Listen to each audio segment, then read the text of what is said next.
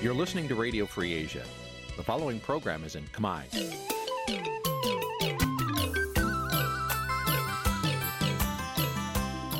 នេះជាកម្មវិធីផ្សាយ Vuthu Azizi Serai នេះជាកម្មវិធីផ្សាយរបស់ Vuthu Azizi Serai ជាភាសាខ្មែរ Vuthu Azizi Serai សូមស្វាគមន៍លោកអ្នកនាងទាំងអស់ពីរដ្ឋធានី Washington នៃសហរដ្ឋអាមេរិក។ ចាប់ពីរដ្ឋធានី Washington នាងខ្ញុំម៉ៅសុធានីសូមជម្រាបសួរលោកអ្នកស្ដាប់ទាំងអស់ជាទីមេត្រីចាស់យើងខ្ញុំសូមជូនការផ្សាយសម្រាប់ព្រឹកថ្ងៃសុក្រពីកើតខែអាសត់ឆ្នាំឆ្លូវត្រីស័កពុទ្ធសករាជ2565ហើយដល់ត្រូវនៅថ្ងៃទី8ខែតុលាគ្រិស្តសករាជ2021ចាស់ជាដំបូងនេះសូមអញ្ជើញលោកអ្នកនាងកញ្ញាស្ដាប់ព័ត៌មានប្រចាំថ្ងៃដែលមានមេត្តាដូចតទៅ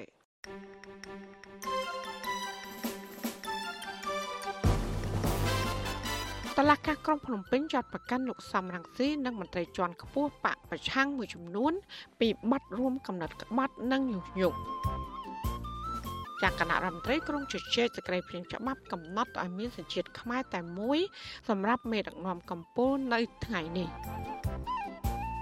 ចាំមនុស្សចំនួន14នាក់បានស្លាប់និងរងរបួសជាច្រើនអ្នកទៀតក្នុងរយៈពេល3ថ្ងៃនៃពិធីបុណ្យភ្ជុំបិណ្ឌ ចាប័ណ្ណពិភាក្សាថាតើវៀតណាមអាចប្រជែងឈ្នះជាមួយចិន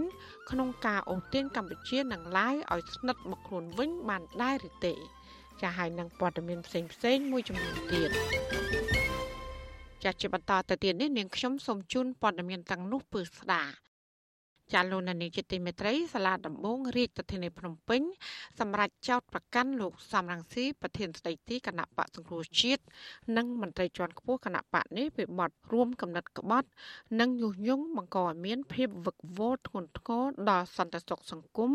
ពាក់ព័ន្ធនឹងការពៀវនាតាមបណ្ដាញសង្គម Facebook ចាសសេចក្តីប្រកាសព័ត៌មានរបស់អាយកាអមសាលាដំបងរាជធានីភ្នំពេញចេញកាលពីយប់ថ្ងៃទី7ខែតុលាបញ្ជាក់ថាក្រៅតែពីលោកសំរងស៊ីអ្នកដែលត្រូវតឡាការចោតប្រកាន់ដែរនោះរួមមានលោកអេងឆៃអៀងនិងអ្នកស្រីមួសុខួរដែលជាអនុប្រធានគណៈបកសង្គ្រោះជាតិនិងមន្ត្រីបកនេះមានលោកហូវ៉ាន់រួមនឹងមន្ត្រីមួយចំនួនទៀតហើយដែលតឡាការពំបានបញ្ចេញឈ្មោះ ជាប្រភពដដែលបញ្ជាក់ថាការចោទប្រកាន់នេះពាក់ព័ន្ធនឹងសេចក្តីអំពាវនាវរបស់លោកសំរងស៊ីបង្ហោះតាមបណ្ដាញសង្គម Facebook កាលពីថ្ងៃទី5ខែតុលាឆ្នាំ2021ហើយដែលតឡាការចាត់ទុកថាមានខ្លឹមសារបង្កប់ការរៀបចំផែនការដើម្បីផ្ដួលរំលំរដ្ឋាភិបាល ចាតឡាការចាត់ទុកការពីនោះថាជាការប្រើប្រាស់ព័ត៌មានបំភ្លឺខុសពីការពិតដែលញុះញង់កងកម្លាំងប្រដាប់អាវុធនិងប្រជាប្រដ្ឋឲ្យផ្ដួលរំលំរដ្ឋាភិបាលស្របច្បាប់ចាតឡាការចាត់ទុកថាអ្នកដែលត្រូវចោទប្រកាន់ទាំងនេះបានរៀបចំផែនការទុច្ចរិតជាអក្រិតកម្មហើយដែលប៉ះពាល់ដល់សន្តិសុខជាតិធ្ងន់ធ្ងរ ចាកាលពីថ្ងៃទី5ខែតុលាលោកសំរងស៊ីបានសរសេរសារនៅលើ Facebook ដោយភ្ជាប់នូវសេចក្តីថ្លែងការណ៍របស់គណៈបកសង្គ្រោះជាតិដែលបានលើកឡើងថាលោកនាយករដ្ឋមន្ត្រីហ៊ុនសែនមានបំណងរត់ចោលប្រទេសហេតុនេះគណៈបកអំពាវនាវឲ្យប្រជាប្រដ្ឋខ្មែរនិងកងកម្លាំងប្រដាប់អាវុធដែលស្នេហាជាតិជំរុញឲ្យរបបហ៊ុនសែនដួលរំលំកាន់តែឆាប់កាន់តែល្អនិងថាដល់ពេលវេលាហើយដែលត្រូវរៀបចំប្រទេសកម្ពុជាឡើងវិញ ដើម្បីឲ្យប្រជាប្រដ្ឋខ្មែរបានស្គាល់នៅលទ្ធិប្រជាធិបតេយ្យពិតប្រាកដធានានៅសេរីភាពយុត្តិធម៌និងភាពរុងរឿងចាលោកសំរងស៊ីនិងមន្ត្រីជាន់ខ្ពស់គណៈបកនេះក៏ធ្លាប់ត្រូវតឡាការចោតប្រកាន់និងកាត់ឲ្យមានទោសពីបទរួមកំណត់ក្បត់និងញុះញង់នេះរួមគ្នាម្ដងរួចមកហើយតាក់ទងនឹងផែនការវិលត្រឡប់ចូលស្រុកវិញរបស់លោកសំរងស៊ីកាលពីចុងឆ្នាំ2019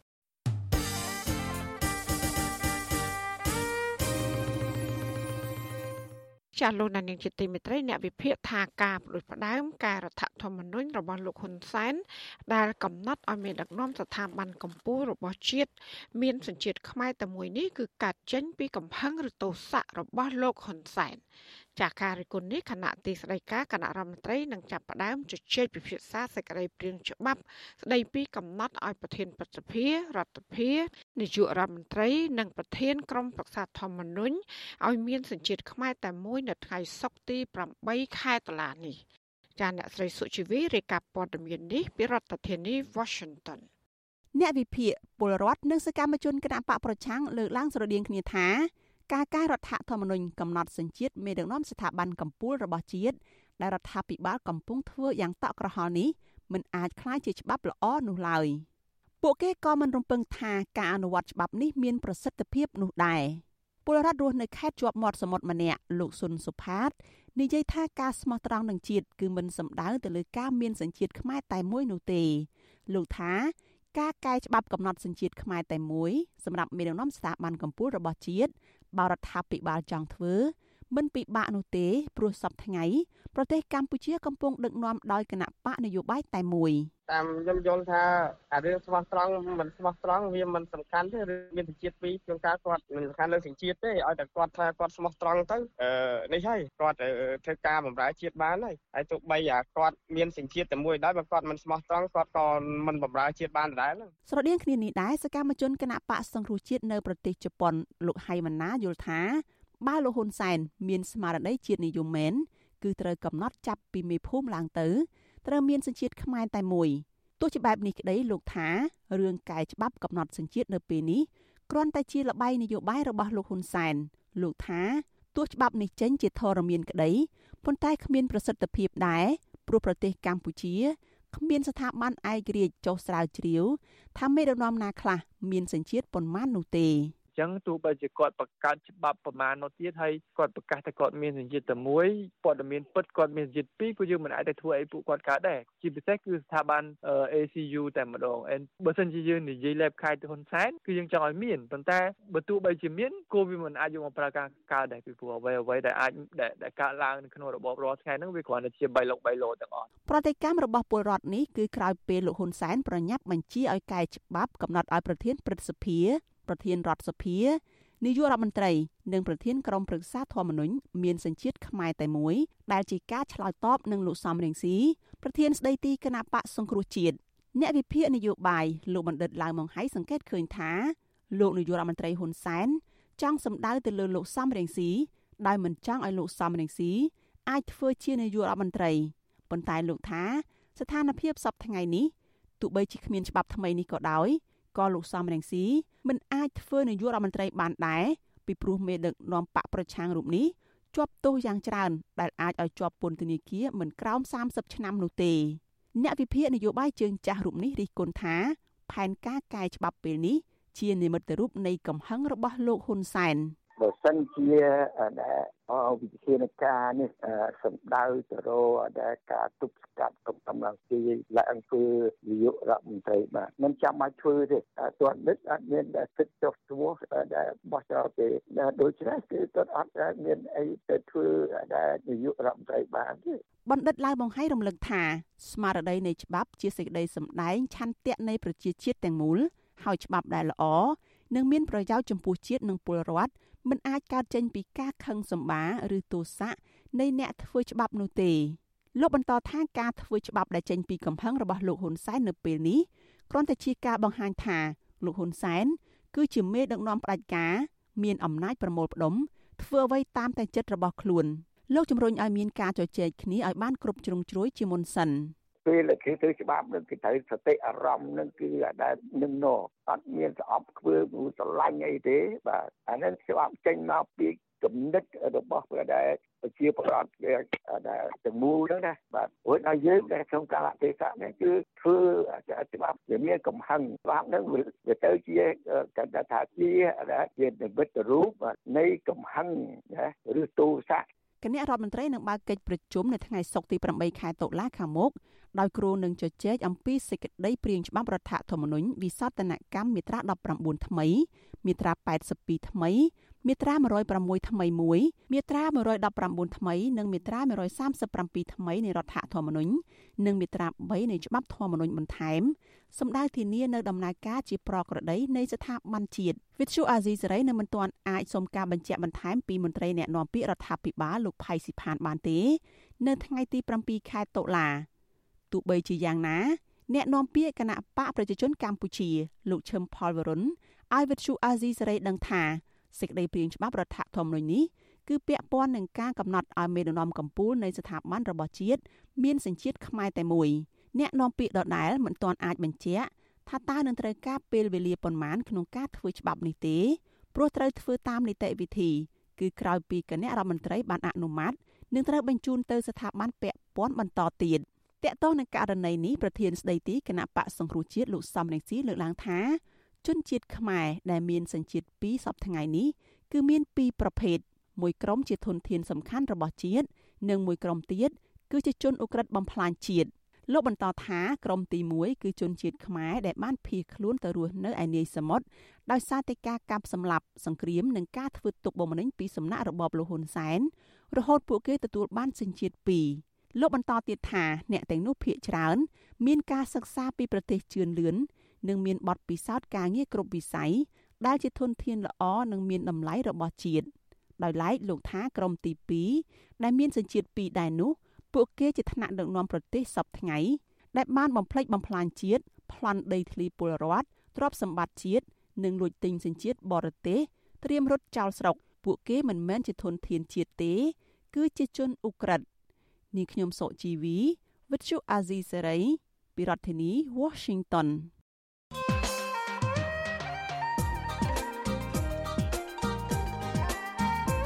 ចាលោកនាងកញ្ញាកំពុងស្ដាប់ការផ្សាយរបស់វិទ្យុអស៊ីស្រីផ្សាយចេញពីរដ្ឋធានី Washington ជាប្រជាប្រដ្ឋនិងសកម្មជនបពប្រឆាំងរិះគន់ថាការកែច្បាប់កំណត់មេដឹកនាំកម្ពុជាឲ្យមានសញ្ជាតិខ្មែរតែមួយ គឺកាត់ចេញពីកំហឹងឬទោសៈរបស់លោកហ៊ុនសែនតើការកែប្រែរដ្ឋធម្មនុញ្ញតាមកំហឹងរបស់អ្នកមានអំណាចដើម្បីសងសឹកគូប្រកួតនយោបាយនោះនឹងធ្វើឲ្យគ្រោះថ្នាក់ដល់ប្រទេសជាតិធ្ងន់ធ្ងរដែរឬទេ ហើយថាតើមេដឹកនាំកម្ពុជារបស់ប្រទេស ដែលមានសញ្ជាតិតែមួយនោះពិតជាអាចជៀសផុតពីឥទ្ធិពលបរទេសបានដែរឬទេ ចាសសូមលោកអ្នកនាងកញ្ញារងចាំស្ដាប់កិច្ចពិភាក្សាជុំវិញបញ្ហាទាំងនេះនៅក្នុងនេតិវេទិកាអ្នកស្ដាប់វិទ្យុអសីស្រីនៅជប់ថ្ងៃសុក្រនេះកុំបីអខានចាសលោកអ្នកនាងកញ្ញាអាចបញ្ចេញមតិយោបល់ឬក៏ដាក់សំណួរមកកាន់វាគ្មិនរបស់យើងដោយគ្រាន់តែដាក់លេខទូរស័ព្ទនៅក្នុងខ្ទង់ comment Facebook និង YouTube របស់អសីស្រីយើងខ្ញុំនឹងតាក់ទងទៅលោកអ្នកនាងវិញចាសសូមអរគុណ ចាលោកនាងកញ្ញាជាទីមេត្រីជំរុំកម្ពុជារវាងអគ្គលេខាបកកុម្មុយនីវៀតណាមជាមួយមេដឹកនាំកម្ពុជាដឹកឡាវនៅទីក្រុងហាណូយកាលពីចុងខែកញ្ញាបានធ្វើឲ្យមានការវិភាគផ្សេងផ្សេងគ្នាចាអ្នកខ្លះថាថ្នាក់ដឹកនាំវៀតណាមចង់បង្ហាញប្រាប់គេឯងថាវៀតណាម នៅតែមានអធិបតេយ្យលើលោកហ៊ុនសែននិងមេដឹកនាំប្រទេសឡាវដែលវៀតណាមធ្លាប់បានជ្រោមជ្រែងឲ្យឡើងកាន់អំណាច ចាសសូមលោកអ្នកនាងកញ្ញារងចាំស្ដាប់បទវិភាគជុំវិញរឿងនេះនាពេលបន្តិចទៀតនេះចាសសូមអរគុណ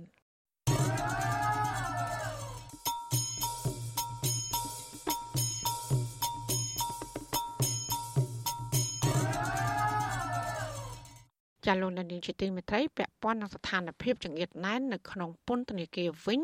តំណាងស្ថាប័នសិទ្ធិមនុស្សរបស់រដ្ឋាភិបាលបានទទួលស្គាល់និងអះអាងថាកំពុងចាត់វិធានការដោះស្រាយបញ្ហានេះជាបន្តបន្ទាប់ចាកការលើកឡើងនេះក្រោយដែលអ្នករាយការណ៍ពិសេសរបស់អង្គការសហប្រជាជាតិទទួលបន្ទុកផ្នែកសិទ្ធិមនុស្សនៅកម្ពុជា លើកឡើង ថាអ្នកជាប់ឃុំនៅក្នុងពន្ធនាគារបន្តកើនឡើងគួរឲ្យព្រួយបារម្ភ ហើយក៏បានជំរុញរដ្ឋាភិបាលចាត់វិធានការចាំបាច់ជាបន្ទាន់ដើម្បីកាត់បន្ថយភាពចង្អៀតណែននេះចាអ្នកស្រីខែសំណងមានសេចក្តីរាយការណ៍ពឹស្ដារជុំវិញបញ្ហានេះមន្ត្រីសិទ្ធិមនុស្សរបស់រដ្ឋាភិបាលលើកឡើងថាបញ្ហាពន្ធនាគារចង្អៀតណែននេះគឺជាកង្វល់របស់អាជ្ញាធរពាក់ព័ន្ធដែរមិនមែនតែជាកង្វល់របស់អ្នកជំនាញសិទ្ធិមនុស្សរបស់អង្គការសហប្រជាជាតិនោះទេ សមាជិកនឹងជាអ្នកណែនាំពាក្យគណៈកម្មាធិការសិទ្ធិមនុស្សរបស់រដ្ឋាភិបាលលោកកតាអូនថ្លែងប្រាប់វិទ្យុអេស៊ីស្រីនៅថ្ងៃទី7ខែតុលាថាអាញាធរពពាន់បានរួមគ្នាដោះស្រាយបញ្ហាចង្អៀតណែននៅក្នុងពន្ធនាគារនេះជាយូរមកហើយដូចជាការពន្លឿនការដោះស្រាយសំណុំរឿងកកស្ទះនិងការដោះលែងជនជាប់ឃុំដែលប្រព្រឹត្តបទល្មើសស្រាលស្រាល លោកបញ្ជាក់ថាមូលហេតុដែលពន្ធនាគារបន្តចង្អៀតណែនដោយសារតែបទល្មើសកើនឡើង ជាពិសេសបញ្ហាគ្រឿងញៀននិងរដ្ឋាភិបាលខ្វះលទ្ធភាពពង្រីកអគារពន្ធនាគារបន្ថែមទៀតទោះយ៉ាងណាលោកអះអាងថានៅក្នុងស្ថានភាពនៃការឆ្លងរាលដាលជំងឺ Covid-19 នេះអាជ្ញាធរពាក់ព័ន្ធជាពិសេសអាជ្ញាធរពន្ធនាគារបានយកចិត្តទុកដាក់ទប់ស្កាត់ជំងឺ Covid និងព្យាបាលអ្នកឆ្លងជំងឺ Covid ដើម្បីធានាសុវត្ថិភាពនិងសុខភាពជូនជនជាប់ឃុំគ្រប់រូប។ យើងមិនមែន ទុកគាត់នៅតែឯងយើងមិនមែនមិនគិតគូរគាត់ទេយើងប្រឹងប្រែងគិតគូរគាត់តាំងពីដើមពីម្លេះប៉ុន្តែអ្វីដែលជាបញ្ហាប្រឈមនោះគឺយើងទទួលស្គាល់ថាយើងមានភាពចង្អៀតយើងមានអាគារទ្រុឌទ្រោមយើងត្រូវការថវិកាត្រូវការធនធាននៅក្នុងការពង្រីកអាគារទាំងអស់នោះឲ្យទូលំទូលាយទីតាំងសុវត្ថិភាពហើយកន្លងមកនេះគឺឃើញមានប្រទេសមួយចំនួនដែលជាប្រទេសអល់ជំនួយដូចជាអូស្ត្រាលីជាដើមយើងបានប្រឹងប្រែងសហការគ្នាក្នុងការកសាងអាគារពន្ធនាគារថ្មីថ្មីនិងការពង្រីកពន្ធនាធ្វើយ៉ាងណាគឺយើងរក្សាសុវត្ថិភាពជូនគាត់ធ្វើយ៉ាងណាគឺយើងអនុវត្តវិធាននៃការសុខាភិបាលទៅលើអ្នកជាប់ឃុំទាំងអស់នោះក៏ដូចជាប្រជាជននៅខាងក្រៅដែរដើម្បីការពារមិនឲ្យមានការរីករាលដាលនៃជំងឺ Covid នៅក្នុងពន្ធនាគារទោះជាយ៉ាងណា ស្របពេលដែលមន្ត្រីរដ្ឋាភិបាលរូបនេះទទួលស្គាល់ពីបញ្ហាចង្អៀតណែននៅក្នុងពន្ធនាគារគណៈកម្មាធិការសិទ្ធិមនុស្សកម្ពុជា បានចេញសេចក្តីជូនព័ត៌មានដាច់ដោយឡែកមួយទៀតដើម្បីឆ្លើយតបបន្ថែមនៅថ្ងៃដដែលនេះស្ថាប័ននេះ លើកឡើងថាការអំពាវនាវឲ្យដោះលែងអ្នកជាប់ទោសរបស់អង្គការសង្គមស៊ីវិលមួយចំនួនដើម្បីដោះស្រាយភាពចង្អៀតណែននៅក្នុងពន្ធនាគារមិនមែនជាវិធានការសមស្របនោះទេតែផ្ទុយទៅវិញនឹងនាំឲ្យប៉ះពាល់ដល់សន្តិសុខនិងសន្តិភាពសង្គមការបកស្រាយនឹងប្រតិកម្មទាំងនេះធ្វើឡើងក្រោយពេលអ្នករាយការណ៍ពិសេសរបស់អង្គការសហប្រជាជាតិទទួលបន្ទុកសិទ្ធិមនុស្សប្រចាំនៅកម្ពុជា លោកវិទិតមុនតាបន បង្ហាញក្តីព្រួយបារម្ភអំពីស្ថានភាពចង្អៀតណែននៅក្នុងពន្ធនាគារនៅកម្ពុជា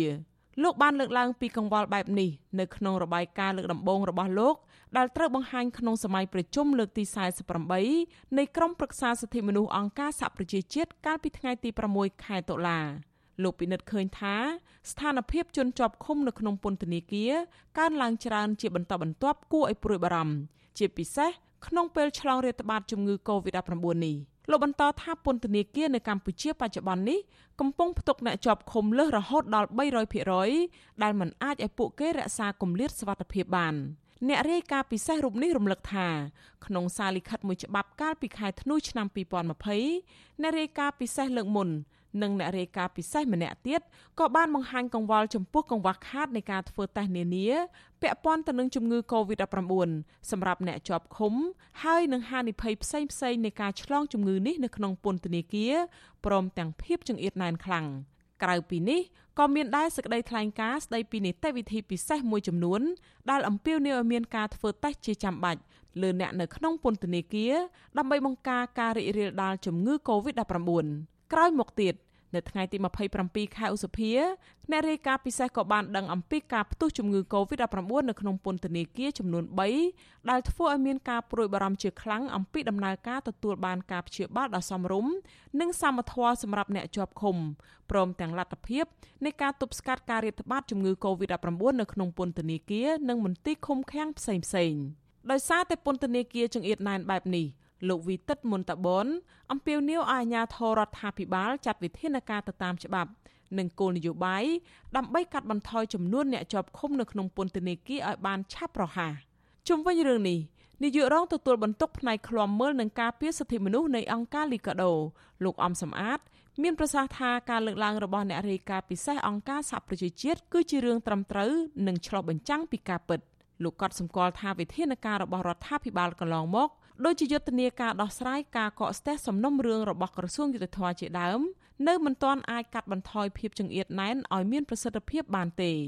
លោកអំសំអាតយល់ថាដើម្បីដោះស្រាយបញ្ហានេះឲ្យមានប្រសិទ្ធភាពរដ្ឋាភិបាលគួរតែចាត់វិធានការជាបន្ទាន់មួយចំនួនដូចជាកែតម្រង់ប្រព័ន្ធយុតិធធពន្លឿនការដោះលែងអ្នកជាប់ឃុំដែលមានបទល្មើសតូចតាចព្រមទាំងដោះលែងអ្នកជាប់ឃុំដែលត្រូវបានឃុំខ្លួនដោយគ្មានមូលដ្ឋានច្បាប់ច្បាស់លាស់ដូចជាសកម្មជនសិទ្ធិមនុស្ស សកម្មជនសង្គមនិងបរិស្ថានជាដើម។បកស្រាយរបស់មន្ត្រីរដ្ឋាភិបាលវាអត់មានអីដែលមានការភ្ញាក់ផ្អើលទេព្រោះយើងឃើញជាបទពិសោធន៍កន្លងមកប៉ុន្តែទស្សនវិជ្ជាជាក់ស្ដែងយើងទាំងអស់គ្នាទាំងអង្គការសង្គមស៊ីវិលជាពិសេសស្ថាប័នដែលពាក់ព័ន្ធនៅក្នុងរដ្ឋាភិបាលគួរតែរកយន្តការដើម្បីកាត់បន្ថយភាពចង្អៀតណែននៅក្នុងពន្ធនាគារឲ្យបានឆាប់កាន់តែល្អពីព្រោះទី1ជំងឺរាតត្បាតនៃ COVID-19 នេះមួយហើយបញ្ហាទី2ជំងឺឆ្លងផ្សេងៗបញ្ហាទី3វាធ្វើឲ្យប៉ះពាល់ទៅលើសិទ្ធិក្នុងការរស់នៅរបស់ជនជាប់ឃុំពីរូបភាពជំងឺណែនវាប៉ះពាល់ច្រើនបើស្ថានភាពជំងឺណែននៅតែបន្តកើតតទៅទៀតអញ្ចឹងផលវិបាកក្រៅពីជនជាប់ឃុំក៏មន្ត្រីអន្តរពន្ធនាគារដែររបាយការណ៍របស់អង្គការលីកាដូនិងអង្គការលើកលែងទោសអន្តរជាតិបង្ហាញថាចំនួនអ្នកជាប់ឃុំនៅក្នុងពន្ធនាគារនៅកម្ពុជា មានចំនួនជិត40000នាក់គិតត្រឹមខែមិនិនាឆ្នាំ2020ចំនួននេះគឺជាចំនួនដ៏ច្រើនលើសលប់ ពីព្រោះពន្ធនាគារនៅកម្ពុជាត្រូវបានប៉ាន់ប្រមាណថាអាចផ្ទុកមនុស្សបានត្រឹមចំនួនជាង26000នាក់ប៉ុណ្ណោះអង្គការទាំងនេះបញ្ជាក់ថាការកើនឡើងចំនួនជនជាប់ឃុំនេះគឺបន្ទាប់ពីមានយុទ្ធនាការបង្ក្រាបគ្រឿងញៀននិងដោយសារការកើនឡើងច្រើនហួសហេតុនៃការឃុំខ្លួនបណ្ដោះអាសន្នរងចាំសវនាការជំរះក្តី បញ្ហានេះបង្កើតឲ្យមានប្រព័ន្ធនៃការឃុំខ្លួនយ៉ាងសម្បើមដែលជិត75%នៃអ្នកជាប់ឃុំទាំងនោះនៅមិនទាន់ទទួលបានការជំនុំជម្រះនៅឡើយទេការផ្ទុកមនុស្សលើសចំណុះក្នុងពន្ធនាគារនេះបានធ្វើឲ្យអ្នកជាប់ឃុំរស់នៅទាំងលំបាកលំបិនខ្វះអនាម័យប៉ះពាល់ដល់សុខភាពផ្លូវកាយនិងផ្លូវចិត្តនិងសក្តីថ្លៃថ្នូរក្នុងនាមជាមនុស្សចា៎នាងខ្ញុំខែសុណងវັດឈុអាស៊ីសេរីរាយការណ៍ពីរដ្ឋធានី Washington ចាលោកនាងកញ្ញាកំពុងស្ដាប់ការផ្សាយរបស់វិទ្យុអាស៊ីសេរីផ្សាយចេញពីរដ្ឋធានី Washington ចាប់បរដ្ឋមួយចំនួននៅក្រុងប៉ោយប៉ែតខេត្តបន្ទាយមានជ័យមានជីវភាពរស់នៅកាន់តែលំបាកក្រោយដែលអាជ្ញាធរកម្ពុជានិងថៃ បានបិទច្រកទ្វារព្រំដែនប្រទេសទាំងពីរអស់រយៈពេល7ឆ្នាំមកនេះតើពួកគេមានសំណុំពរអ្វីខ្លះដល់រដ្ឋាភិបាលនិងអាជ្ញាធរពាក់ព័ន្ធឲ្យជួយសម្រាលទុក្ខលំបាករបស់ពួកគេ ចាសសូមលោកអ្នកនាងកញ្ញារងចាំស្ដាប់សេចក្តីរាយការណ៍ពុស្ដាមពីរឿងនេះនៅក្នុងការផ្សាយរបស់យើងនាពេលបន្តិចទៀតនេះចាសសូមអរគុណ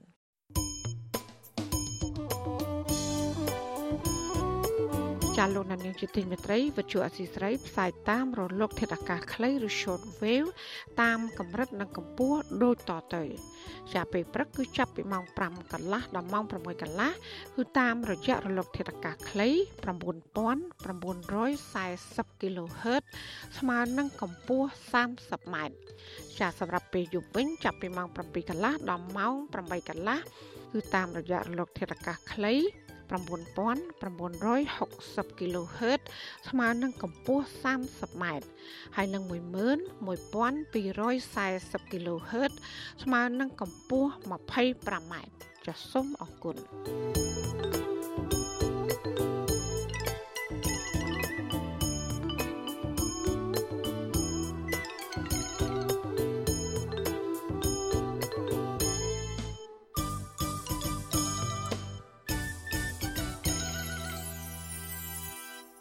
ចាលោកនាងជាទីមេត្រីក្រុមគូសាយុវជនខ្មែរថៅវរៈព្រួយបារម្ភពីស្ថានភាពសុខភាពកញ្ញាអេងម៉ាឡៃហៅសូមេតាដែលកំពុងជាប់ឃុំ នៅក្នុងពន្ធនាគារប្រៃសណចាមន្ត្រីសង្គមស៊ីវិលបន្តអំពាវនាវដល់រដ្ឋាភិបាល និងតុលាការឲ្យទម្លាក់បទចោទប្រកាន់និងដោះលែងកញ្ញាហើយនិងអ្នកទោសមនសិការដទៃទៀតឲ្យមានត្រីភាពជួបជុំក្រុមគូសា ចាសសូមលោកដានៀងស្ដាប់សេចក្តីរាយការណ៍របស់លោកទីនសាករាជុំវិញបញ្ហានេះប្អូនស្រីបង្កើតកញ្ញាអេងម៉ាឡៃគឺកញ្ញាអេងវ៉ាន់ឌីរន្ធត់ចិត្តយ៉ាងខ្លាំងពេលឃើញស្ថានភាពបងស្រីរបស់ខ្លួនញ័រដៃញ័រជើងស្គមរីងរៃស្មារតីមិននឹងណនឹងកើតជំងឺអាឡែស៊ីស្បែកពេញប្រានមិនទាន់ធូរស្បើយនៅឡើយទេកញ្ញាអេងវ៉ាន់ឌីដែលបានទៅសួរសុខទុក្ខបងស្រីរបស់ខ្លួនកាលពីថ្ងៃទី5ដុល្លាររៀបរាប់ថាកញ្ញាអេងម៉ាឡៃ កំពុងជួបការលំបាកផ្នែកសុខភាពរាងកាយនិងសតិអារម្មណ៍ធ្ងន់ធ្ងរពីព្រោះបន្ទប់ឃុំឃាំងកាន់តែតូចចង្អៀតណែនតាន់តាប់ការហូបចុកមិនគ្រប់គ្រាន់ហើយត្រូវទទួលទណ្ឌកម្មពីមន្ត្រីពន្ធនាគារដោយប្រើគាត់ឲ្យកាយលូទឹកស្អុយក្នុងពន្ធនាគារទៀតផងកញ្ញាបញ្ជាក់ថាមន្ត្រីពន្ធនាគារតម្រូវឲ្យអ្នកទោសមនសិការផ្ដល់ថវិកាម្នាក់ម្នាក់10000រៀលដើម្បីចំណាយថ្លៃបូមលូទឹកស្អុយចេញពីពន្ធនាគារតែបើគ្មានប្រាក់បង់ឲ្យពួកគេទេ នឹងត្រូវទទួលទណ្ឌកម្មកាយលូដោយខ្លួនឯងកញ្ញាបន្តថាស្ថានភាពរាងកាយបងស្រីរបស់ខ្លួនកាន់តែយ៉ាប់យ៉ឺនខ្លាំងកន្លែងស្នាក់នៅគ្មានអនាម័យនិងដេកកងជើងគ្នាចាក់ស្រេះដោយម្រាមដៃក្នុងបន្ទប់តូចចង្អៀតកញ្ញាអះអាងទៀតថារបួសជើងរបស់អេងម៉ាឡៃដែលដួលក្នុងបន្ទប់ទឹកកន្លងមកអាចនឹងរើឡើងវិញក្នុងពេលដែលនៅតែជាប់ឃុំបន្តកាន់តែយូរស្ថានភាពជំងឺនឹងកាន់តែធ្ងន់ធ្ងរ កញ្ញាអំពាវនាវជាថ្មីទៀតស្នើឲ្យតុលាការអនុញ្ញាតឲ្យបងស្រីរបស់ខ្លួន បាននៅក្រៅឃុំដើម្បីព្យាបាលជំងឺឲ្យជាសះស្បើយកញ្ញាអេងវ៉ាន់ឌីបន្ថែមថាក្រុមគ្រួសារខកចិត្តមិនបានទៅសួរសុខទុក្ខកញ្ញាអេងម៉ាឡៃជិតកន្លះឆ្នាំមកហើយដោយសារជំងឺ Covid-19 ហើយនៅរដូវភ្ជុំបិណ្ឌមន្ត្រីពន្ធនាគារបានអនុញ្ញាតឲ្យកញ្ញាចូលសួរសុខទុក្ខបងស្រីរយៈពេល4ថ្ងៃប៉ុណ្ណោះ ការព្រួយបារម្ភខ្លាំងហ៎បងអើយដោយសារឥឡូវគាត់កាន់តែទ្រុឌទ្រោមខ្លាំងជាងមុនខ្ញុំភ័យខ្លាចថានៅក្នុងនឹងយូរទៅកាន់តែជំងឺច្រើនទៅច្រើនទៅណាមួយស្ថានភាពក៏យ៉ាប់គេរើបន្តឹងច្រើននិយាយទៅខ្ញុំមានតែបងស្រីម្នាក់ហ្នឹងដែលអាចពឹងពាក់គ្រួសារបានអ្នកដោះស្រាយគ្រួសារមានគាត់ទៅពេលអត់គាត់ពួកខ្ញុំដឹងទៅណាទៅណីមានតែតោភាពឯការរហូតអញ្ចឹងបង កញ្ញាអេងម៉ាឡៃធ្លាប់បានរអិលដួលនៅក្នុងបន្ទប់ទឹកពន្ធនាគារប៉ះទង្គិចជើងបណ្ដាលឲ្យរបួសជ្រៅដល់ឆ្អឹងដើរពុំរួចហើយមកទល់ពេលនេះស្ថានភាពជំងឺនេះបានវិវត្តទៅជាស្វិតដោយសារខ្វះការយកចិត្តទុកដាក់ព្យាបាលអ្នកនាំពាក្យអគ្គនាយកដ្ឋានពន្ធនាគារលោកនុតសាវណ្ណាថ្លែងថាលោកមិនទាន់ទទួលព័ត៌មានថាកញ្ញាអេងម៉ាឡៃមានបញ្ហាសុខភាពធ្ងន់ធ្ងរនោះទេតែយ៉ាងណាបើសិនជាគាត់ពិតជាមានជំងឺធ្ងន់ធ្ងរ មន្ត្រីពន្ធនាគារនឹងបញ្ជូនទៅព្យាបាលនៅក្រៅពន្ធនាគារចំពោះសំណួរថាបើសិនជាកញ្ញាអេងម៉ាឡៃមានបញ្ហាអ្វីកើតឡើងដល់អាយុជីវិតតើមន្ត្រីពន្ធនាគារទទួលខុសត្រូវបែបណាអ្នកនាំពាក្យពន្ធនាគាររូបនេះឆ្លើយថាមន្ត្រីពន្ធនាគារមានកាតព្វកិច្ចទទួលខុសត្រូវផ្អែកទៅតាមអនុក្រឹត្យរបស់រដ្ឋាភិបាលដោយត្រូវឆ្លើយតបរាល់បញ្ហានានាជាមួយស្ថាប័នពាក់ព័ន្ធផ្នែកសិទ្ធិមនុស្សនិងក្រុមគ្រួសារជនជាប់ឃុំជាដើម ពិនិត្យហើយបើថាចាំបាច់គេយកទៅគេយកគាត់ទៅក្រៅហើយគេអត់ទុកគាត់ឲ្យគាត់មានបញ្ហាធ្ងន់ធ្ងររហូតដល់រ៉ាំរៃឬក៏ប៉ះពាល់ដល់អាយុជីវិតគាត់ទេគាត់កន្លងមកមានបញ្ហាជើងបញ្ហាអីហ្នឹងយកគាត់ទៅព្យាបាលនៅក្រៅតែទៅនឹងបញ្ហានេះប្រធានសមាគមសិទ្ធិមនុស្សអាតហុកលោកនីសុខាបញ្យល់ថា អ្នកជាប់ឃុំគ្រប់រូបមានសិទ្ធិពេញលេញទទួលបានការថែទាំសុខភាពស្របតាមគោលការណ៍សិទ្ធិមនុស្សហេតុនេះ មន្ត្រីពន្ធនាគារគួរតែបញ្ជូនកញ្ញាអេងម៉ាឡៃទៅព្យាបាលដែលក្រុមគ្រូពេទ្យនៅក្នុងពន្ធនាគារប៉ុន្តែបើពេទ្យនៅទីនោះគ្មានលទ្ធភាពព្យាបាលទេគួរតែបញ្ជូនទៅព្យាបាលនៅខាងក្រៅពន្ធនាគារវិញលោកស្នើទៅតុលាការជាថ្មីទៀតមេត្តាដោះលែងនិងទម្លាក់បទចោទលើយុវជនសង្គមរូបនេះនិងអ្នកទោសមនសិការទាំងអស់ឲ្យមានសេរីភាពឡើងវិញឬក៏អនុញ្ញាតឲ្យពួកគេនៅក្រៅឃុំបណ្ដោះអាសន្នដែលរងចាំសវនាការអង្គសេចក្តីឲ្យបានត្រឹមត្រូវជាមុនសិន។ ខាងសង្គមស៊ីវិលក្តីអីក្តីតែងតែទទូចថាឲ្យតឡាការហ្នឹងគឺការទម្លាក់ចោលការចោលប្រកាន់ក៏ដូចជាដោះលែងឲ្យពួកគាត់មានសេរីភាពទៅព្រោះពួកគាត់មិនបានធ្វើកំហុសអ្វីទេទៅនឹងផ្លូវច្បាប់នោះគឺថាពួកគាត់មានតែខិតខំក្នុងនាមជាយុវជនចូលរួមចំណែកក្នុងការការពារបរិស្ថានការពារយុទ្ធធម៌សង្គមការពារអីមិនមែនជាកំហុសអីទៅនឹងរឿងច្បាប់ហ្នឹងទេដូចកញ្ញាអេងម៉ាឡៃត្រូវបានអាជ្ញាធរចាប់ខ្លួនកាលពីថ្ងៃទី7កញ្ញាឆ្នាំ2020 នៅខណ្ឌច្បារអំពៅហើយបញ្ជូនទៅតុលាការដែលចាប់ប្រកាន់ពីបទញុះញង់បង្កភាពវឹកវរធ្ងន់ធ្ងរដល់សន្តិសុខសង្គមការចាប់ខ្លួននេះក្រោយពីកញ្ញាអេងម៉ាឡៃហៅសូមេតានិងយុវជនដទៃទៀតព្យាយាមប្រមូលផ្ដុំគ្នាសម្ដែងមតិនៅទីលានប្រជាធិបតេយ្យថ្មីក្នុងខណ្ឌរសីកែវប៉ុន្តែគម្រោងនេះបានបរាជ័យដោយសារតែការរារាំងពីអាជ្ញាធររហូតមកទល់ពេលនេះកញ្ញាបានជាប់ឃុំក្នុងពន្ធនាគារប្រៃសណមកពីជាង1ឆ្នាំមកហើយ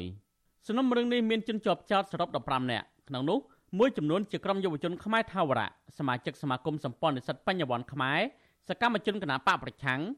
និងម្នាក់ទៀតជាអតីតតំណាងរាស្ត្រអូស្ត្រាលីដើមកំណត់ខ្មែរលោកហុងលីមតឡាការក្រុងភ្នំពេញបានបញ្ចប់សវនាការសួរដេញដោលកាលពីចុងខែសីហានិងក្រុងប្រកាសសាលក្រមនៅចុងខែកញ្ញាប៉ុន្តែកាលពីចុងខែកញ្ញានោះតឡាការបែរជាបានសម្រេចលើកពេលប្រកាសសាលក្រមទៅថ្ងៃក្រោយវិញ តឡាការមិនទាន់បានបញ្ជាក់ពីមូលហេតុនៃការលើកពេលប្រកាសសាលក្រមនោះនៅឡើយទេក្នុងរយៈពេលជាង2ឆ្នាំចុងក្រោយនេះរបបលហ៊ុនសែនបានចាប់ខ្លួនសកម្មជននយោបាយសិទ្ធិមនុស្សបរិស្ថាននិងសកម្មជនសង្គមដាក់ពន្ធនាគារជិត90នាក់ហើយភ្នាក់ច្រើនអាជ្ញាធរបានចោទប្រកាន់អ្នកទាំងនោះពីបទរួមគំនិតក្បត់ញុះញង់និងប្រមាថថ្នាក់ដឹកនាំរដ្ឋាភិបាលប៉ុន្តែមកទល់ពេលនេះអាជ្ញាធរមិនបានបង្ហាញភ័ស្តុតាងរឹងមាំដើម្បីបញ្ជាក់ពីទោសកំហុសរបស់ពួកគេនោះឡើយ ទាក់ទងនឹងបញ្ហានេះអង្គការសង្គមស៊ីវិលជាតិនិងអន្តរជាតិជាពិសេសទីភ្នាក់ងារអង្គការសហប្រជាជាតិបន្តទៀមទាឲ្យរបបលហ៊ុនសែនដោះលែងអ្នកទោសទៅនោះវិញព្រោះពួកគេមិនបានប្រព្រឹត្តបទល្មើសដោយការចោទប្រកាន់នោះឡើយខ្ញុំទីនសាការីយ៉ាអសិរ័យប្រធានីវ៉ាស៊ីនតោន ចាលោកនាងយទីមេត្រីភ្ញៀវទេសចរជាតិនិងបរទេស ជាង40ម៉ឺននាក់បានដើរលេងកំសាន្តក្នុងរដូវបុណ្យភ្ជុំបិណ្ឌអស់រយៈពេល2ថ្ងៃចាប់ពីថ្ងៃទី5ដល់ថ្ងៃទី6ខែតុលាចាតំបន់ដែលប្រវត្តិលេងកំសាន្តភាគច្រើនគឺនៅតំបន់ឆ្នេរសមុទ្រដូចជានៅខេត្តបរសៃអនុកែបនិងកំពត ហើយក្រៅពីនេះក៏នៅមានខេត្តមួយចំនួនទៀតដូចជាខេត្តសៀមរាបបាត់ដំបងពោធិ៍សាត់និងកំពង់ចាមជាដើម។ ចារដូវបុណ្យភ្ជុំបិណ្ឌចំនួន3ថ្ងៃចុងក្រោយនេះ មានករណីគ្រោះថ្នាក់ចរាចរណ៍កើតឡើងចំនួន35ករណីដែលប្រហាក់ប្រហែលនិងចំនួនគ្រោះថ្នាក់ដែលបានកើតឡើងកាលពីឆ្នាំមុនដែរចាគ្រោះថ្នាក់ចរាចរណ៍បណ្ដាលឲ្យមនុស្សចំនួន14នាក់ស្លាប់ និងរងរបួសចំនួន64នាក់គ្រោះថ្នាក់ភ័យច្រើនបណ្ដាលមកពីអ្នកបើកបរស្រវឹង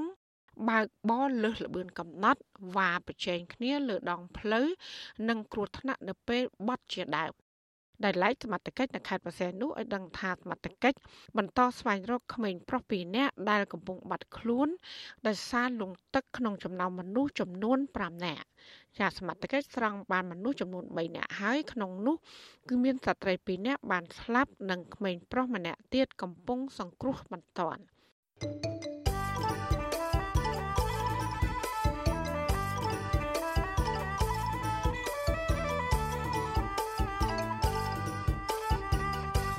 ចាលោកអ្នកស្ដាប់ជតិមេត្រី អង្គការសមាគមខ្មែរកម្ពុជាក្រោមបន្តសង្ស័យចំពោះការចាប់ខ្លួនអតីតបច្ច័យអធិការវត្ត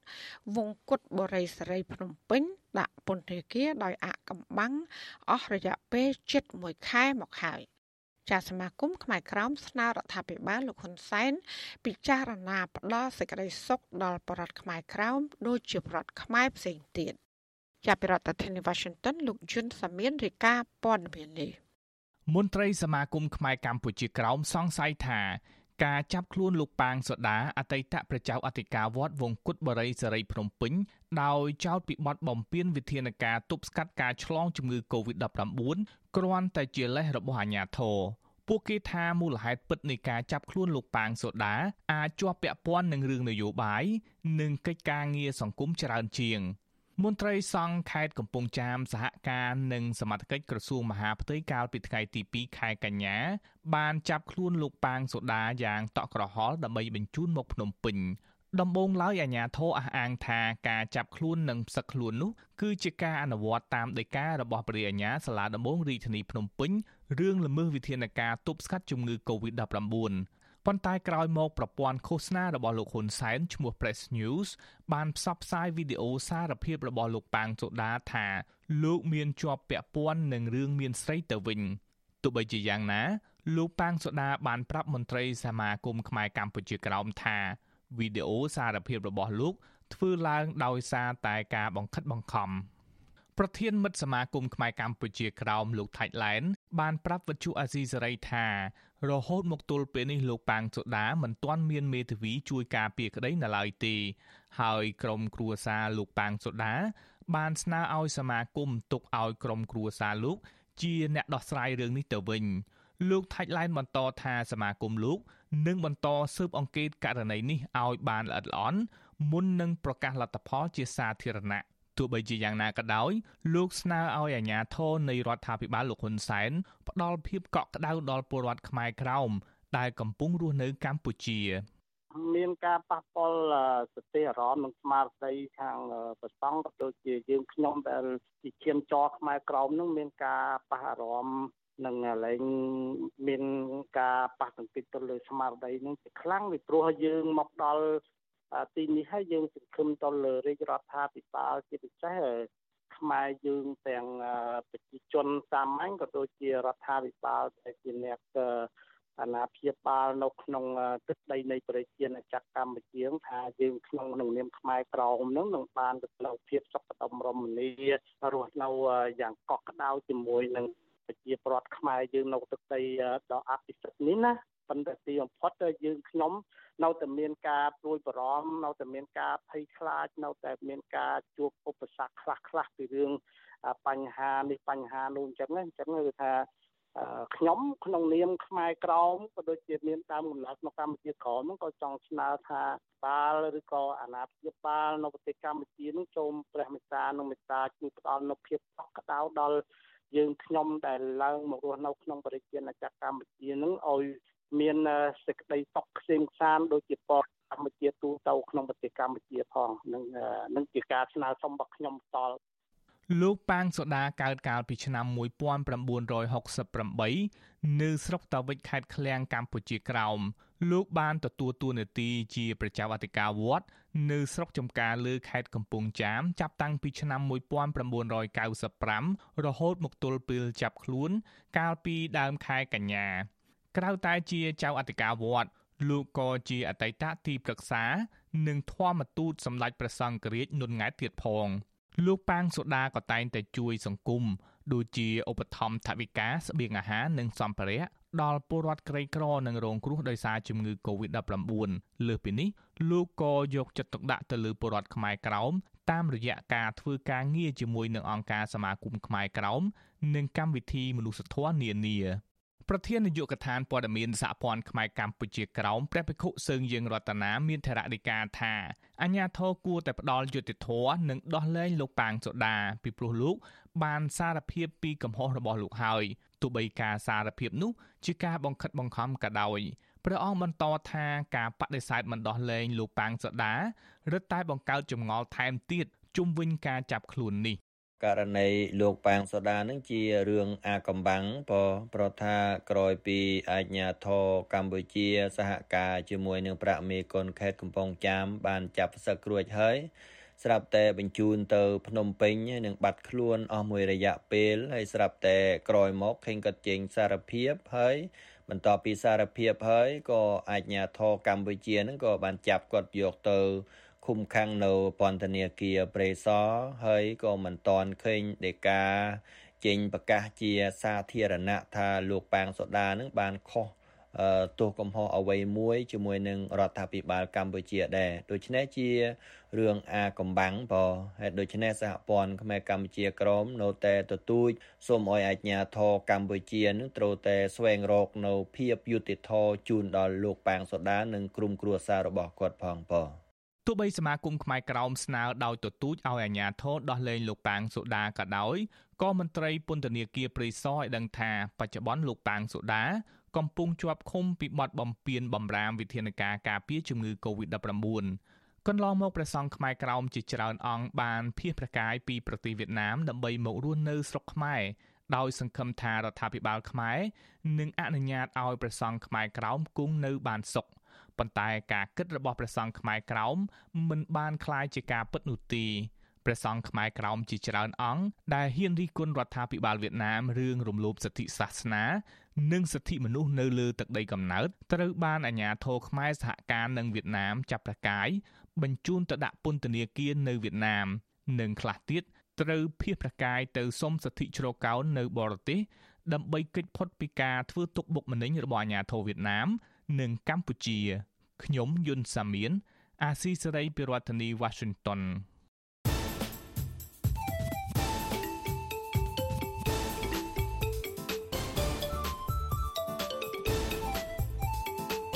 បាត់វិភាគ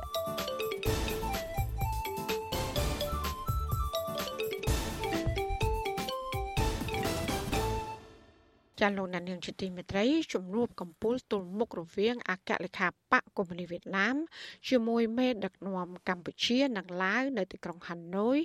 កាលពីថ្ងៃទី26ខែកញ្ញានោះបានធ្វើឲ្យមានការវិភាគផ្សេងផ្សេងគ្នា ចាអ្នកខ្លះថាថ្នាក់ដឹកនាំវៀតណាមចង់បង្ហាញប្រាប់គេឯងថាវៀតណាមនៅតែមានឥទ្ធិពលលើលោកហ៊ុនសែននិងមេដឹកនាំប្រទេសឡាវដែលវៀតណាមធ្លាប់ជ្រោមជ្រែងឲ្យឡើងកាន់អំណាចក៏ប៉ុន្តែអ្នកខ្លះទៀតថាវៀតណាមចង់ពង្រឹងទំនាក់ទំនងឡើងវិញរបស់វៀតណាមជាមួយសម្ព័ន្ធមិត្តចាស់របស់ខ្លួន ហើយនឹងព្យាយាមអូសទាញមេដឹកនាំកម្ពុជានិងឡាវកុំឲ្យងាកទៅជិតស្និទ្ធជាមួយចិនខ្លាំងពេក ក៏ប៉ុន្តែបរិបទនៃភូមិសាស្ត្រនយោបាយបច្ចុប្បន្ននេះ ដែលចិនកំពុងមានឥទ្ធិពលលើរបបលោកហ៊ុនសែននិងប្រទេសឡាវនេះ ថាតើវៀតណាមអាចប្រែឥទ្ធិពលប្រជែងឈ្នះចិន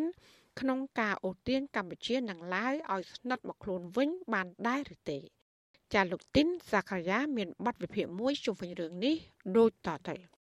ការលើកឡើងផ្សេងផ្សេងគ្នាអំពីជំនួបប្រជុំកំពូល រៀបចំនៅប្រទេសវៀតណាមដឹកនាំអង្គប្រជុំដោយអគ្គលេខាកុម្មុយនីសវៀតណាមដោយផ្សារភ្ជាប់ទៅនឹងអធិបតេយ្យចិនដែលកំពុងតែកើតឡើងនៅក្នុងភូមិភាគឥណ្ឌូចិនអាចថាជារឿងសមហេតុសមផលមួយដែរសមហេតុសមផលដោយសារតែជំនុំនេះបានប្រព្រឹត្តទៅតែប្រមាណថ្ងៃប៉ុណ្ណោះក្រោយពីរដ្ឋមន្ត្រីការបរទេសចិនលោកវ៉ាងយីបានធ្វើដំណើរទស្សនកិច្ចទៅកាន់ប្រទេសវៀតណាមផងនិងកម្ពុជាផងដំណើរទស្សនកិច្ចរបស់លោកវ៉ាងយីនៅវៀតណាម ត្រូវគេមើលឃើញថាទីក្រុងប៉េកាំងជាយាមដាក់សម្ពាធលើទីក្រុងហាណូយឲ្យមានការប្រុងប្រយ័ត្នក្នុងការជ្រើសរើសយកអាមេរិកដើម្បីប្រឆាំងតតាំងនឹងចិនសម្រាប់វត្តមានរបស់លោកវ៉ាងយីនៅកម្ពុជាវិញត្រូវបានគេមើលឃើញថាជាការពង្រឹងបន្ថែមទៀតនៅទំនាក់ទំនងរវាងលោកហ៊ុនសែននិងទីក្រុងប៉េកាំងនៅចំពោះមុខការប្រកួតប្រជែងឥទ្ធិពលរវាងអាមេរិកនិងចិននៅក្នុងតំបន់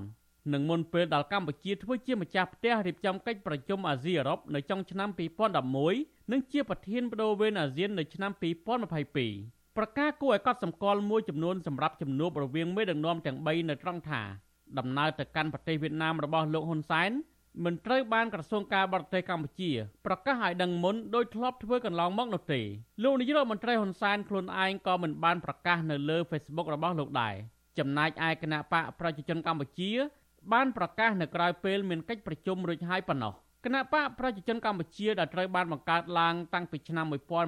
1951ដែលមានឈ្មោះដើមថាបកប្រជាជនបដិវត្តកម្ពុជា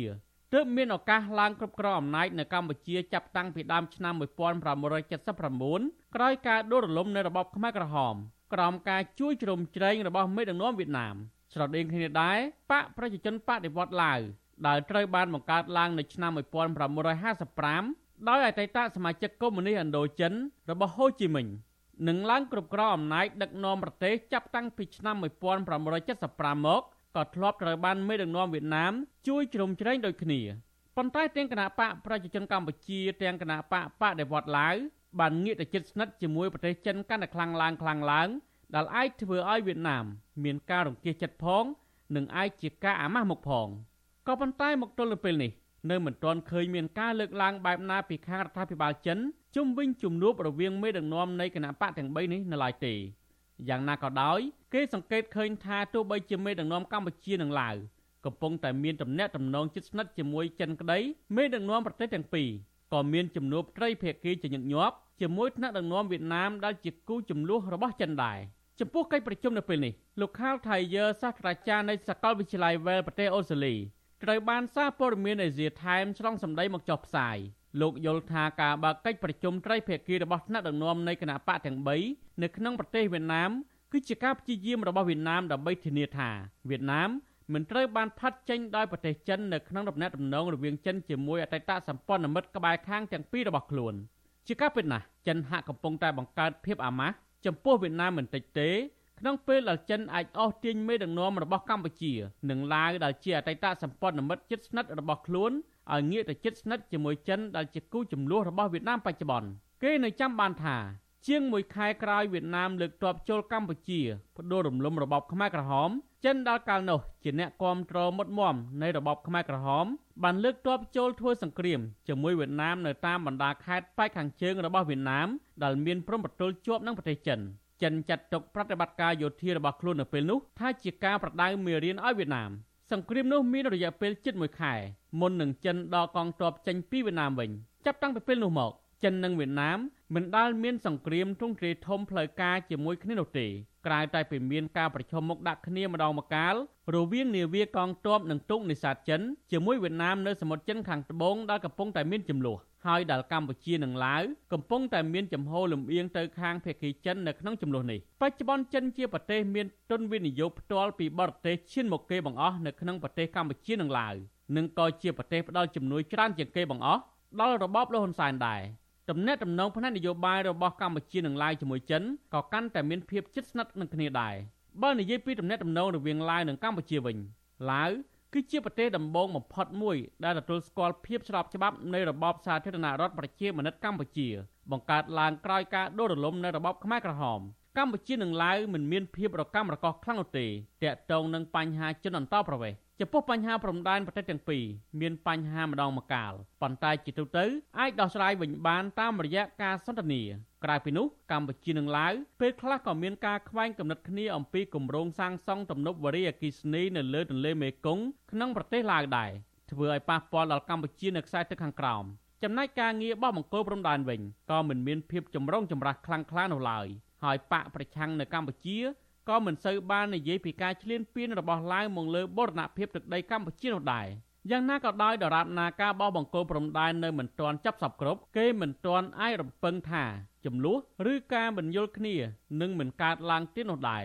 សម្រាប់ដំណាក់ដំណងរវាងកម្ពុជានិងវៀតណាមវិញបញ្ហាសំខាន់បំផុតដោយប្រទេសទាំងពីរមិនទាន់បានដោះស្រាយរួចរាល់នៅឡើយនោះគឺបញ្ហាជនអន្តោប្រវេសន៍វៀតណាមនៅកម្ពុជានិងការបោះបង្គោលព្រំដែនគោកនិងខណ្ឌសីមាព្រំដែនទឹករវាងប្រទេសទាំងពីរបើនិយាយពីទំនាក់ទំនងរវាងឡាវនិងវៀតណាមវិញ ឡាវហាក់បានអអន់ស្រពន់ចិត្តនឹងវៀតណាមតាំងពីយូរយារណាស់មកហើយក៏ប៉ុន្តែអាចមិនទាន់សូវហ៊ានបង្ហាញរឹកពីឲ្យដឹងច្បាស់នៅពេលមិនទាន់មានឱកាសតែទៅនឹងបញ្ហានេះបណ្ឌិត Holio Heldress ដែលធ្លាប់មានចំណងមិត្តភាពជិតស្និទ្ធជាមួយសម្ដេចព្រះនរោត្តមសីហនុនិងធ្លាប់កាន់តួនាទីជាអនុប្រធានខុទ្ទកាល័យនិងជាជំនួយការពិសេសរបស់ព្រះអង្គពីឆ្នាំ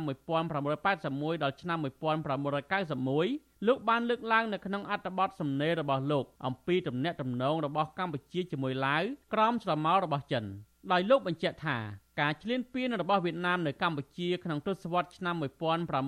1980និងវត្តមានដ៏សន្ធឹកសន្ធាប់នៃកងទ័ពវៀតណាមនៅលើទឹកដីឡាវបានធ្វើឲ្យកម្ពុជានិងឡាវក្លាយជាជនរងគ្រោះកាន់តែខ្លាំងឡើងនៅក្នុងបរិបទពេលនេះរីឯតំណែងតំណងរវាងកម្ពុជានិងឡាវក៏ត្រូវបានគូសវាសក្រោមអធិបតេយ្យនៃកម្លាំងមកពីខាងក្រៅទៀត ដែលនេះគឺលោកសម្ដៅទៅដល់អធិបតេយ្យរបស់ប្រទេសវៀតណាមមកលើកម្ពុជានិងឡាវ។បណ្ឌិតហូលីយ៉ូចាត់ទុកការចូលជាសមាជិកអាស៊ានរបស់ឡាវនៅឆ្នាំ1997និងរបស់កម្ពុជានៅឆ្នាំ1999គឺជាការបើកចំហប្រទេសទៅកាន់សហគមន៍អន្តរជាតិហើយក៏ជាការព្យាយាមបង្ហាញទៅកាន់សហគមន៍អន្តរជាតិនៅឋានៈជារដ្ឋឯករាជ្យនិងអធិបតេយ្យផងដែរបណ្ឌិត Holio Hedres ក៏សម្គាល់ថា រវាងប្រទេសចិននិងវៀតណាមប្រកាសណាស់ថាកម្ពុជានិងឡាវនឹងចាប់យកចិនហើយរឿងនេះវៀតណាមប្រកាសជាដឹងច្បាស់រួចហើយដែរលោកថាកម្ពុជានិងឡាវត្រូវការរស់នៅជាមួយអ្នកជិតខាងមួយដែលធំហើយខ្លាំងហើយដែលគេទទួលស្គាល់ថាជាមហាអំណាចសេដ្ឋកិច្ចធំបំផុតមួយនៅលើពិភពលោកទោះជាយ៉ាងណាក៏ដោយចុះបណ្ឌិតរូបនេះទទួលស្គាល់ថាក្រៅពីទទួលបានការវិនិយោគពីចិននិងការផ្ដល់ជំនួយឬកម្ចីសម្រាប់ការកសាងហេដ្ឋារចនាសម្ព័ន្ធ កម្ពុជានិងឡាវដែលកំពុងតែលំអៀងទៅចិននេះក៏ដោយសារតែមេដឹកនាំនៃប្រទេសទាំងពីរពេញចិត្តនឹងជំនួយរបស់ចិនដែលផ្ដល់ឲ្យខ្លួនដែលមិនមានភ្ជាប់ទៅនឹងលក្ខខណ្ឌផ្សេងផ្សេងដែលលោកថានេះវាផ្ទុយទៅនឹងសហរដ្ឋអាមេរិកសហភាពអឺរ៉ុបនិងប្រទេសប្រជាធិបតេយ្យមួយចំនួនទៀតដែលរាល់ជំនួយរបស់ពួកគេផ្ដល់ដល់កម្ពុជាគឺតែងតែផ្សារភ្ជាប់ទៅនឹងលក្ខខណ្ឌអំពីការលើកកម្ពស់ប្រជាធិបតេយ្យការគោរពសិទ្ធិមនុស្សនិងអភិបាលកិច្ចល្អជាដើមប្រហែលជាដោយសារកត្តាទាំងនេះហើយ ទើបទាំងកម្ពុជានិងឡាវមានចំហគាំទ្រចិនជាពិសេសនៅក្នុងចំនួនសមុទ្រចិនខាងត្បូងជាស្ដែងនៅពេលឡាវធ្វើជាម្ចាស់ផ្ទះនៃកិច្ចប្រជុំកំពូលអាស៊ាននៅឆ្នាំ2016ទាំងឡាវទាំងកម្ពុជាសុទ្ធតែប្រកាន់ចំហទៅខាងចិនរហូតដល់មានអ្នកការទូតម្នាក់បាននិយាយប្រាប់អ្នកកាសែតហើយត្រូវបានសារព័ត៌មាន AFP ត្រង់សម្ដីមកចុះផ្សាយនៅពេលនោះថាកម្ពុជាបានប្រកាន់ចំហរឹងមាំខណៈដែលឡាវក្នុងនាមជាប្រធានអាស៊ានមិនបាននិយាយអ្វីទាល់តែសោះ ប៉ុន្តែក្នុងពេលជាមួយគ្នាឡាវមានការប្រុងប្រយ័ត្នក្នុងការមិនធ្វើឲ្យចិនខឹងសម្បានឹងខ្លួនឡើយចំហគមត្រូលចិននេះប្រហែលជាអាចកើតមានជាថ្មីទៀតនៅពេលកម្ពុជាធ្វើជាប្រធានអាស៊ានបដូវវេននៅឆ្នាំ2022ខាងមុខក្នុងបរិបទបច្ចុប្បន្នហាក់មានអ្នកវិភាគតិចតួចណាស់ដែលមានសន្តិភាពនិយមថាវៀតណាមអាចប្រជែងឈ្នះចិនក្នុងការអូសទាញកម្ពុជានិងឡាវឲ្យស្និទ្ធស្នាលខ្លាំងនឹងខ្លួនវិញប៉ុន្តែក្នុងពេលជាមួយគ្នាក៏មានអ្នកខ្លះយល់ថាមេដឹកនាំកម្ពុជាលហ៊ុនសែននិងមេដឹកនាំឡាវ ក៏អាចមានការប្រែប្រួលដែរដោយគេសំអាងថាមេដឹកនាំនៃប្រទេសទាំងពីរជាមនុស្សជាក់ស្ដែងនិយមដែលអាចមានន័យថាឲ្យតែខាងណាផ្ដល់ផលប្រយោជន៍និងសេចក្តីសុខឲ្យខ្លួន ពួកគេអាចនឹងទៅគាំទ្រខាងនោះការលើកឡើងបែបនេះប្រហែលជាមិនខុសនោះទេតាមពិតទៅរឿងនេះលោកហ៊ុនសែនធ្លាប់បានឆ្លើយរួចមកហើយដែរគេនៅចាំបានថាលោកហ៊ុនសែនកាលពីក្នុងអំឡុងទសវត្សរ៍ឆ្នាំ1980លោកធ្លាប់ស្អប់ចិនខ្លាំងណាស់រហូតដល់ហៅចិនថា ជាអ្នកបង្កសោកនាដកម្មគ្រប់យ៉ាងនៅកម្ពុជាក៏ប៉ុន្តែនៅពេលនេះវិញពេលដែលលោកទទួលបានការគ្រប់គ្រងសឹងតែគ្រប់យ៉ាងពីចិនលោកហ៊ុនសែនបានប្រកាសជាសាធារណៈចាត់ទុកចិន ថាជាមិត្តដ៏អស្ចារ្យនិងមិត្តដ៏គួរឲ្យទុកចិត្តបំផុត របស់ខ្លួនទៅវិញខ្ញុំទីនសាការីយ៉ាអសិរ័យប្រធានីវ៉ាស៊ីនតោន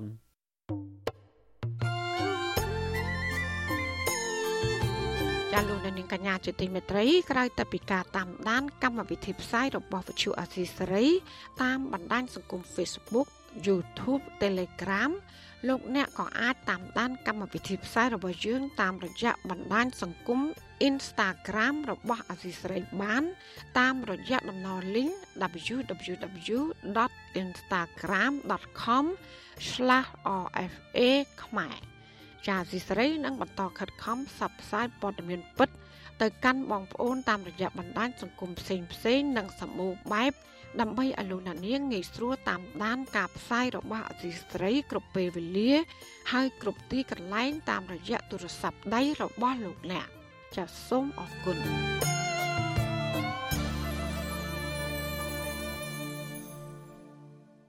ចាលោកនាងជាទីមេត្រីនៅឯខេត្តបន្ទាយមានជ័យឯនោះវិញប្រជាប្រដ្ឋមួយចំនួននៅក្រុងប៉ោយប៉ែតមានជីវភាពរស់នៅកាន់តែលំបាក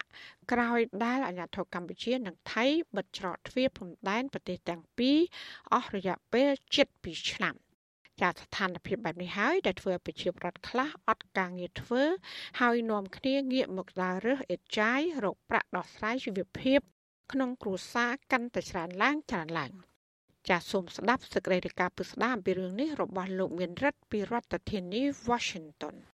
កម្មករអូរទេសនៅច្រកទ្វារព្រំដែនអន្តរជាតិប៉ោយប៉ែតកាន់តែច្រើនឡើងបានធ្លាក់ខ្លួនខ្លាចជាអ្នកដើររើសអេតចាយព្រោះតែគ្មានការងារធ្វើពួកគាត់ថ្លែងថាមួយរយៈពេលចុងក្រោយនេះអ្នកដើររើសអេតចាយនៅតំបន់ព្រំដែនកាន់តែច្រើនឡើងធ្វើឲ្យពួកគាត់កាន់តែពិបាករកប្រាក់ចំណូល អតីតកម្មករអូរ៉ូទេសនិងបច្ចុប្បន្នជាអ្នកដើររើសហេចាយនៅភូមិក្បាលស្ពានមួយសង្កាត់ប៉ោយប៉ែតលោកអ៊ិតស៊ីមរៀបរាប់ប្រាប់វិសុយស៊ីស្រីថាគ្រួសាររបស់លោកមានសមាជិក4នាក់ក្នុងនោះ2នាក់ជាកុមារអាយុក្រោម14ឆ្នាំពលរដ្ឋវ័យ60ឆ្នាំរូបនេះបន្តថាចាប់តាំងពីអាញាធរកម្ពុជានិងថៃ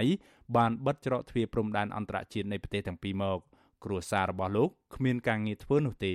ហើយលោកងាកមកដើររើសអេតចាយរកប្រាក់ចំណូលចិញ្ចឹមគ្រួសារវិញលោកនិយាយថាពីមួយថ្ងៃទៅមួយថ្ងៃស្ថានភាពជីវភាពគ្រួសាររបស់លោកកាន់តែលំបាកវេទនាព្រោះលោកដើររើសអេតចាយម្នាក់ឯងបានប្រាក់ប្រមាណពី6000ទៅ10000រៀលក្នុងមួយថ្ងៃគឺស្ទើរតែមិនគ្រប់សម្រាប់ទិញអង្ករច្រកឆ្នាំងក៏មានលោកបញ្ជាក់ថាជីវភាពគ្រួសាររបស់លោកកាន់តែលំបាកខ្លាំងចាប់ពីខែកញ្ញារហូតមក ព្រោះទឹកចំនួនលិចលង់ក្រុងប៉ោយប៉ែតធ្វើឲ្យលោកពិបាកដើររើសអេតចាយលោកបន្តថាអំឡុងពេលនេះថ្ងៃខ្លះលោករកប្រាក់ចំណូលបានក្រោម4000រៀលក្នុងមួយថ្ងៃក៏មានដែរព្រួយព្រួយនោះវាដេកទៅពីព្រួយព្រលឹមឡើងនោះវាបាយដាំឲ្យច្រើនតិចទៅព្រលឹមឡើងវាបាយកកបាយអីខ្លះទៅគាត់ចម្រន់កាពះមកតើចំពោះឪពុកម្ដាយវិញមានហូបអីទេសំទុកជំនាបតែ ក្នុងជីវភាពគ្រួសារកូនវិជាតិពិសេសកូនតូចតូចហ្នឹងហ្មងទាំងគេទាំងខ្ញុំវាដូចថាបើសិនណាយើងមិនអោយវាស៊ីគ្រប់គ្រាន់ហូបគ្រប់គ្រាន់យើងដល់ឈឺពិបាករឿងពេទ្យដល់វាពិបាកទៀតដល់ទៅពេទ្យហ្នឹងអាផ្ដាសាយតិចតួចហ្នឹងខ្លាចចោតទៅកូវីដកូអីចឹងទៅស្រដៀងគ្នានេះដែរអ្នកដើររើសហេតុចាយម្នាក់ទៀតនៅភូមិក្បាលស្ពានមួយសង្កាត់ប៉ោយប៉ែតលោកហ៊ុនប៊ុនវិរៈ ថ្លែងថាគ្រួសារលោកក៏មានសមាជិក4នាក់ដែរគឺមានកូនតូចអាយុ2ឆ្នាំម្នាក់និង7ឆ្នាំម្នាក់លោកថាមួយរយៈនេះពួកគេគ្មានអាហារហូបចុកគ្រប់គ្រាន់ដោយកូនអ្នកភូមិដទៃឡើយព្រោះលោករកប្រាក់ចំណូលមិនសូវបាននោះទេបរិះវ័យ33ឆ្នាំរូបនេះបន្តថាសប្តាហ៍នេះលោកប្រឹងប្រែងដើររើសហេតុចាយទាំងឈឺមិនហ៊ានសម្រាកនោះទេពីព្រោះប្រសិនបើសម្រាកខ្លាចគ្រួសារគ្មានបាយហូបដែលអាចនឹងប៉ះពាល់ដល់សុខភាពកូនធ្ងន់ធ្ងរ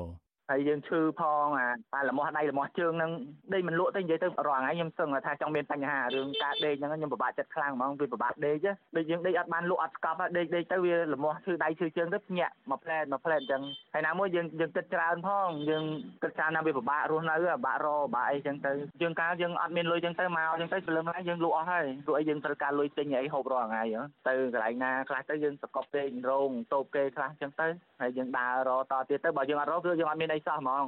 ពលរដ្ឋរូបនេះបន្តថាថ្ងៃណាលោកដើររើសហេតុចាយបានច្រើនលក់បានប្រាក់ជាង10000រៀលក្នុងមួយថ្ងៃគឺពួកលោកបានហូបអាហារឆ្ងាញ់ម្ដងក៏ប៉ុន្តែជារឿយៗគ្រួសាររបស់លោកហូបអាហារក្រៀមក្រោះជាមួយតកួននិងបន្លែបង្ការដែលលោកបានដើរបេះតាមចិញ្ចើមផ្លូវយកមកចម្អិនធ្វើជាអាហារលោកនិយាយថាថ្ងៃខ្លះសំណាងល្អដែរដែលលោកដើររើសអេតចាយបានជួបព្រះសង្ឃនិងអ្នកចិត្តបុណ្យចែកបាយតាមផ្លូវ លោកសប្បាយចិត្តដោយបានអាហារផ្ញើគ្រួសារនៅផ្ទះនិងបានសល់ប្រាក់ខ្លះសម្រាប់ទិញស្បៀងស្តុកទុកទៅថ្ងៃខាងមុខ វាអត់គ្រប់នឹងឯងព្រោះអីយើងរមកខ្វះព្រឹកងាយចឹងទៅចង្ការទៅដើរទៅគេមានចែកបាយចែកអីទៅគេសុំបាយសុំអីគេហូបហ្នឹងអ្នកណាអត់ហូបចឹងទៅគេសល់ទៅគេឲ្យទៅចង្ការអត់អត់ទៅអារម្មណ៍យើងត្រេកអរឃ្លានខ្លាំងចឹងទៅយើងមានអាហារមានបាយមកចឹងទៅយើងអរខ្លាំងសប្បាយចិត្តខ្លាំងព្រោះដូចថាថាបិណ្ឌភ្ជុំអញ្ចឹងណាគេថានៅអត់បាយអត់ទឹកយូរចឹងទៅមកដល់ថ្ងៃដំបូងហ្នឹងបានគេធ្វើបុណ្យធ្វើទានចឹងឃ្លានអញ្ចឹងណាឃ្លានខ្លាំងអរខ្លាំងមានបាយមានទឹកហូបអញ្ចឹងព្រួយបារម្ភខ្លាំងបំផុតហ្នឹងទី1សុខភាពវាវាអត់មានអីហូបចឹងទៅវារាងកាយវាក៏វាអត់លូតលាស់តាមនឹងដែរវាស្គមស្កាងប្រជាពលរដ្ឋទាំងនេះឲ្យដឹងថាសប្តាហ៍ថ្ងៃនេះនៅក្រុងប៉ោយប៉ែតមានអ្នកដើររើសអេចាយប្រមាណ200នាក់គឺកើនឡើងទ្វេដងបើប្រៀបធៀបទៅនឹងពេលបិទព្រំដែនពីដំបូងដែលធ្វើឲ្យពួកគាត់ពិបាករកប្រាក់ចំណូលបើទោះបីជាជីវភាពរបស់កម្មករអូរទេសនៅក្រុងប៉ោយប៉ែតរកព្រឹកខ្វះល្ងាចយ៉ាងនេះក្តីក៏ពួកគាត់អះអាងថាពុំមានអាជ្ញាធរណាផ្ដល់ស្បៀងអាហារជូនដល់ពួកគាត់នោះឡើយ។ វិសុវស៊ីស្រីមិនអាចតាក់ទងអភិបាលខេត្តបន្ទាយមានជ័យ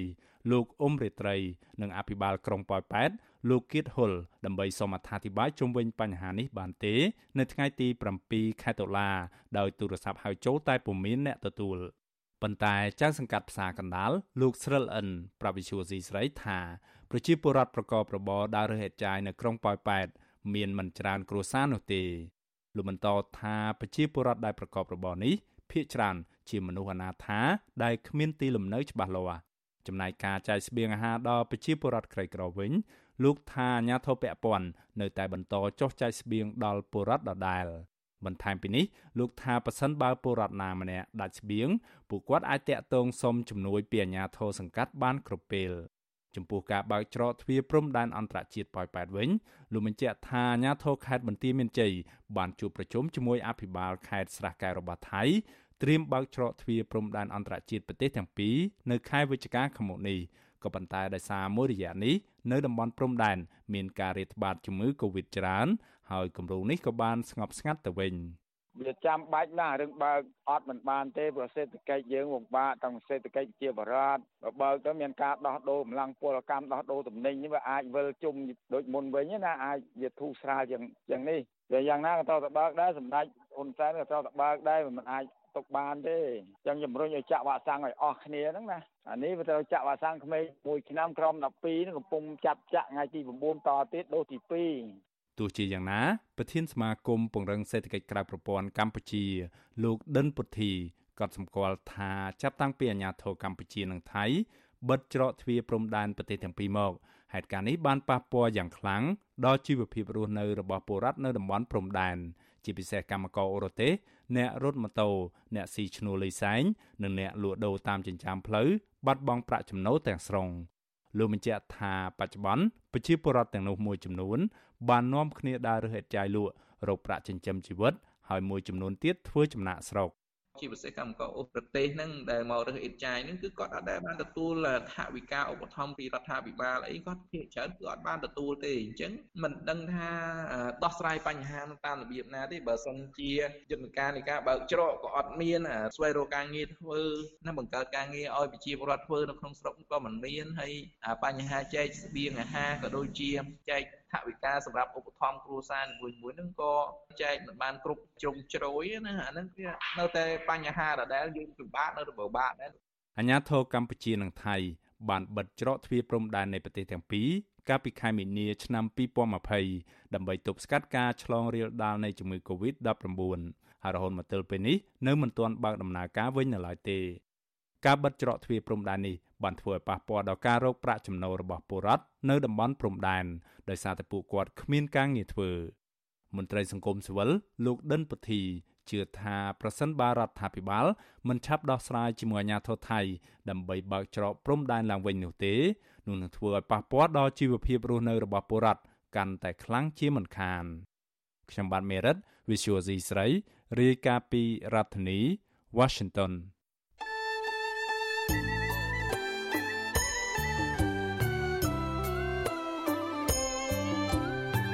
ចាលោកនាងកញ្ញាអ្នកស្ដាប់ជទីមេត្រីកັບផ្សាយរយៈពេល1ម៉ោងនៃវិទ្យុអាស៊ីស្រីជាភាសាខ្មែរនៅពេលនេះចាប់តែប៉ុណ្ណេះចាយើងខ្ញុំទាំងអស់គ្នាសូមជូនពរលោកនាងព្រមទាំងក្រុមគូសាទាំងអស់សូមជួបប្រកបតែនឹងសេចក្តីសុខសេចក្តីចម្រើន ជានិរន្តរ៍ចានាងខ្ញុំម៉ៃសុធានីព្រមទាំងក្រុមការងារទាំងអស់នៃវិទ្យុអាស៊ីស្រីសូមអរគុណនិងសូមជម្រាបលា